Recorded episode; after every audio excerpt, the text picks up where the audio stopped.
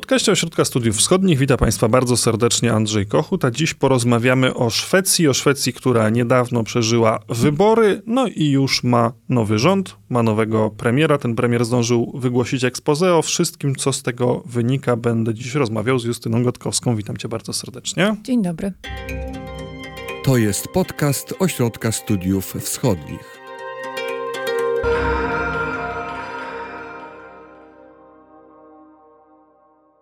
Zacznijmy od tego, że Szwecją rządzi od niedawna nowa koalicja, koalicja centroprawicowa, która, aby móc rządzić, musi współpracować z partią, która do niedawna w ogóle w szwedzkiej polityce e, nie funkcjonowała jako potencjalny koalicjant, czy nawet taka partia współpracująca jak w tym momencie, czyli ze szwedzkimi demokratami, partią uznawaną za radykalnie prawicową. To prawda i jest to dla Szwecji e, duży przełom, precedens e, w szwedzkiej polityce. Do tej pory szwedzcy demokraci e, byli mm, takimi pariasami na niemieckiej, na szwedzkiej scenie politycznej.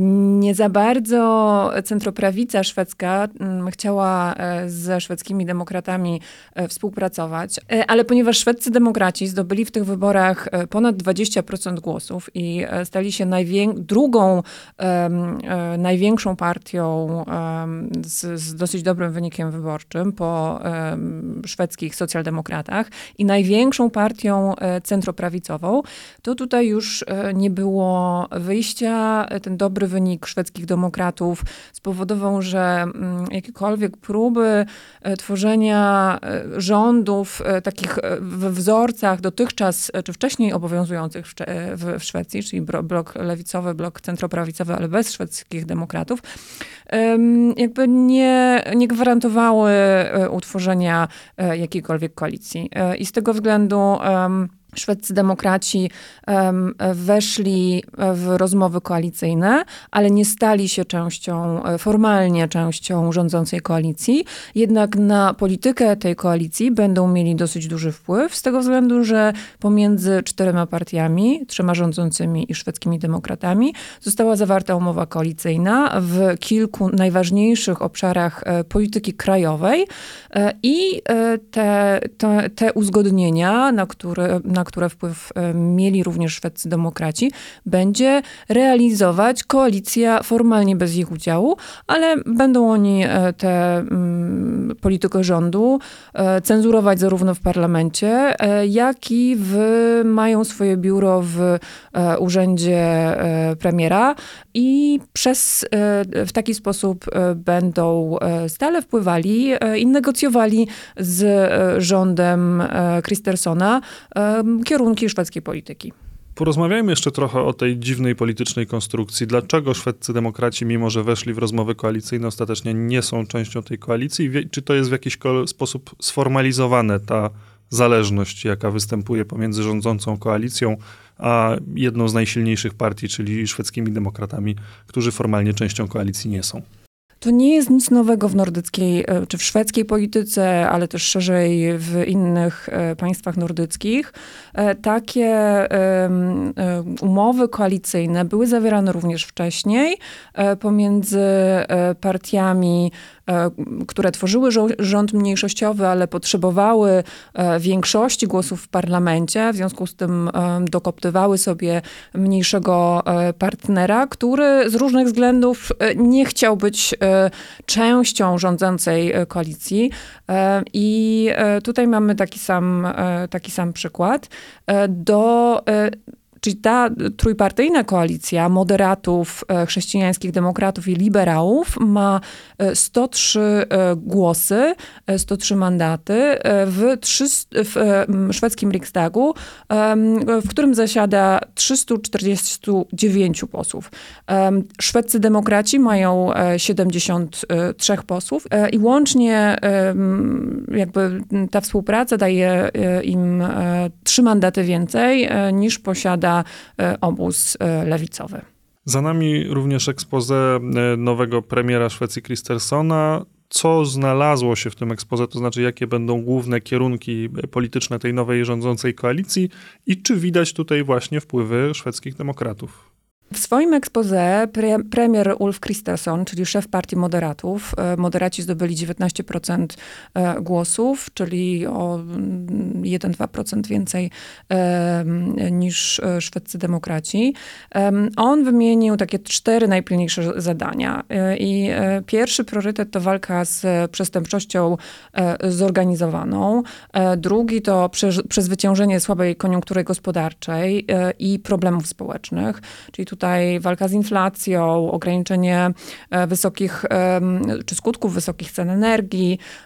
Jeżeli chodzi o problemy e, społeczne, to e, praca nad lepszą integracją imigrantów, zmniejszenie migracji do Szwecji. Trzeci obszar to realizacja celów polityki klimatycznej przy zagwarantowaniu jakichś rozsądnych cen energii. A czwarty, dotyczący polityki zagranicznej i bezpieczeństwa, to wprowadzenie wprowadzenie e, Szwecji do NATO, uzyskanie silnej pozycji w sojuszu e, oraz wzmocnienie e, własnych sił zbrojnych. To są cztery priorytety, które wymienił premier w swoim expose.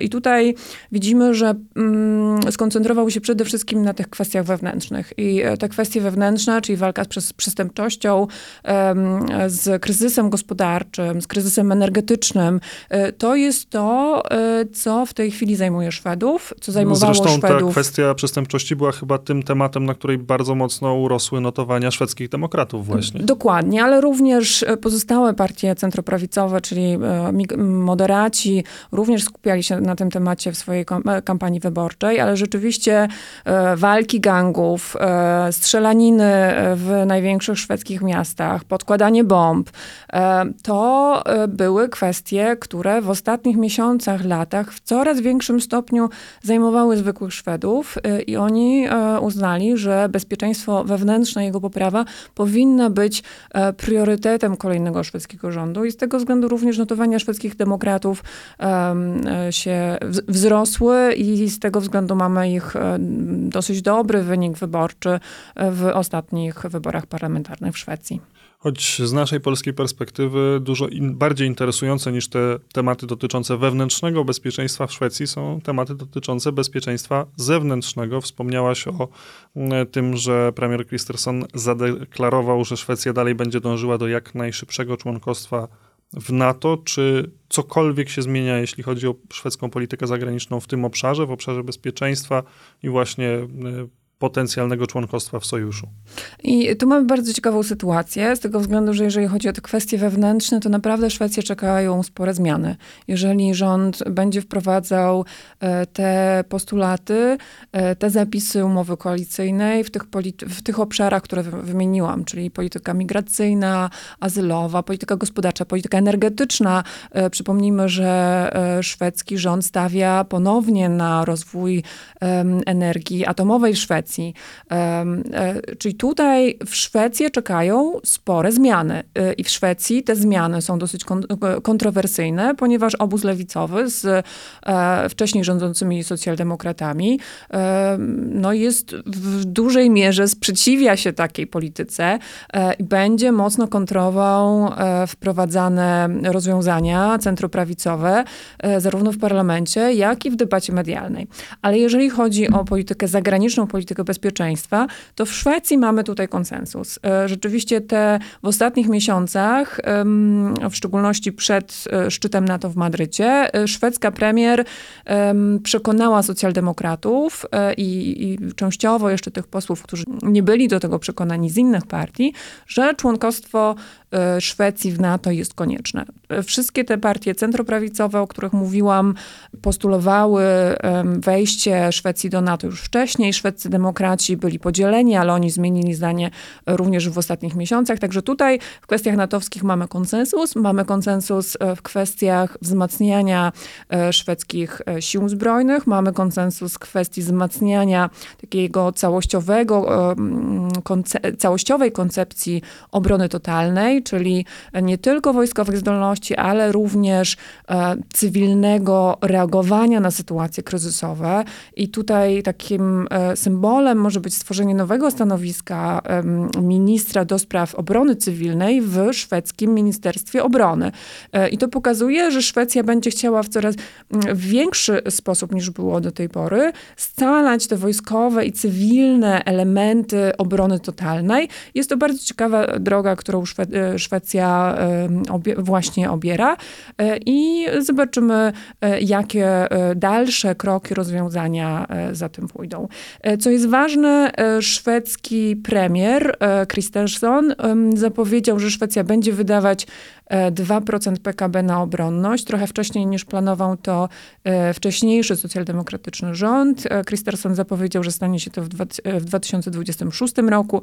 Wcześniejsza, e, wcześniejszy rząd e, zapowiadał, że osiągnie ten, ten próg 2% PKB dwa lata później, czyli w 2028 roku. Więc tutaj, jeżeli chodzi o szwedzką politykę bezpieczeństwa, obronną, mamy absolutnie konsensus. Zwłaszcza, że przypomnijmy, w Szwecji toczy się śledztwo nad, e, związane z wybuchami e, gazociągu e, Nord Stream 1 i Nord Stream 2 w szwedzkiej e, strefie ekonomicznej na Morzu Bałtyckim. E, to pokazało Szwecji bardzo mocno, że e, ataki rosyjskie na infrastrukturę krytyczną również na terytorium Szwecji są możliwe. To mm, spowodowało, że został podwyższony poziom gotowości sił, szwedzkich sił zbrojnych, czy szwedzkiej policji policji, jeżeli chodzi o ochronę infrastruktury krytycznej, energetycznej w szczególności w Szwecji. I po raz kolejny pokazało, że e, Szwecja, e, że ta, te, te, wyzwania ze strony rosyjskiej, zagrożenia mogą przyjść również, czy dot, dotknąć Szwedów również e, bardzo, bardzo bezpośrednio. Ale jeżeli chodzi o inne priorytety w polityce zagranicznej, to przypomnijmy, że Szwecja w, na początku przyszłego roku przejmie przewodnictwo w Radzie Unii Europejskiej e, i to będzie chyba takie największe wyzwanie dla obecnego rządu. Szwedzkie priorytety e, już wcześniej zostały mniej lub bardziej ustanowione we współpracy pomiędzy ówczesnym rządem a e, opozycją, czyli obecnym rządem Kristersona. I tutaj w swoim expose premier wymienił dwa główne priorytety i było to mm, ochrona czy bezpieczeństwo obywateli Unii Europejskiej oraz wsparcie e, Ukrainy. I wydaje mi się, że e, Szwecja w tym przyszłym roku e, będzie właśnie podkreślać i starać się realizować w ramach Unii Europejskiej plan odbudowy Ukrainy i Mm, również dalszego wsparcia Ukrainy poprzez dostawy e, broni i uzbrojenia. E, I tutaj na Szwedów e, myślę, że możemy liczyć, jeżeli chodzi o te bardzo ważne również dla Polski kwestie. Miałem jeszcze właśnie na koniec pytać o to, czy w ramach tych deklaracji, które składał nowy premier dotyczących jego przyszłej polityki, pojawiało się więcej wypowiedzi dotyczących Rosji i Ukrainy, toczącego się konfliktu, stosunku Szwecji do Rosji, no i właśnie tego, w jaki sposób może wyglądać wsparcie Szwedów dla Ukrainy. Ja myślę, że to się, mm, to nie, nie zmieniło się absolutnie e, i nie zmieni się za nowego rządu. E, wydaje mi się, że ten rząd może podjąć e, nawet dalej idące działania, jeżeli chodzi o wsparcie Ukrainy. Do 25 października został przedstawiony niejawny raport szwedzkich sił zbrojnych w sprawie możliwości dalszego wsparcia Ukrainy e, sprzętem e, wojskowym z zasobów szwedzkiej armii. I tutaj pojawiają się spekulacje medialne, że Szwecja może wysłać armatochałpice Archer, 12 sztuk, które są w rezerwie szwedzkiej armii. Jeszcze nie ma oficjalnej decyzji, ale wydaje mi się, że wszyscy, wszyscy czekają właśnie na to, że nowy rząd pójdzie, pójdzie w tym kierunku. Bardzo Ci dziękuję za dzisiejszą rozmowę. Justyna Gotkowska była gościem podcastu Ośrodka Studiów Wschodnich. Dziękuję. A Państwa jak zwykle zachęcam do śledzenia innych odcinków naszego podcastu, również do oglądania naszych produkcji filmowych na YouTubie, a także do czytania analiz na stronie Ośrodka Studiów Wschodnich. Ja nazywam się Andrzej Kochut i bardzo dziękuję za uwagę.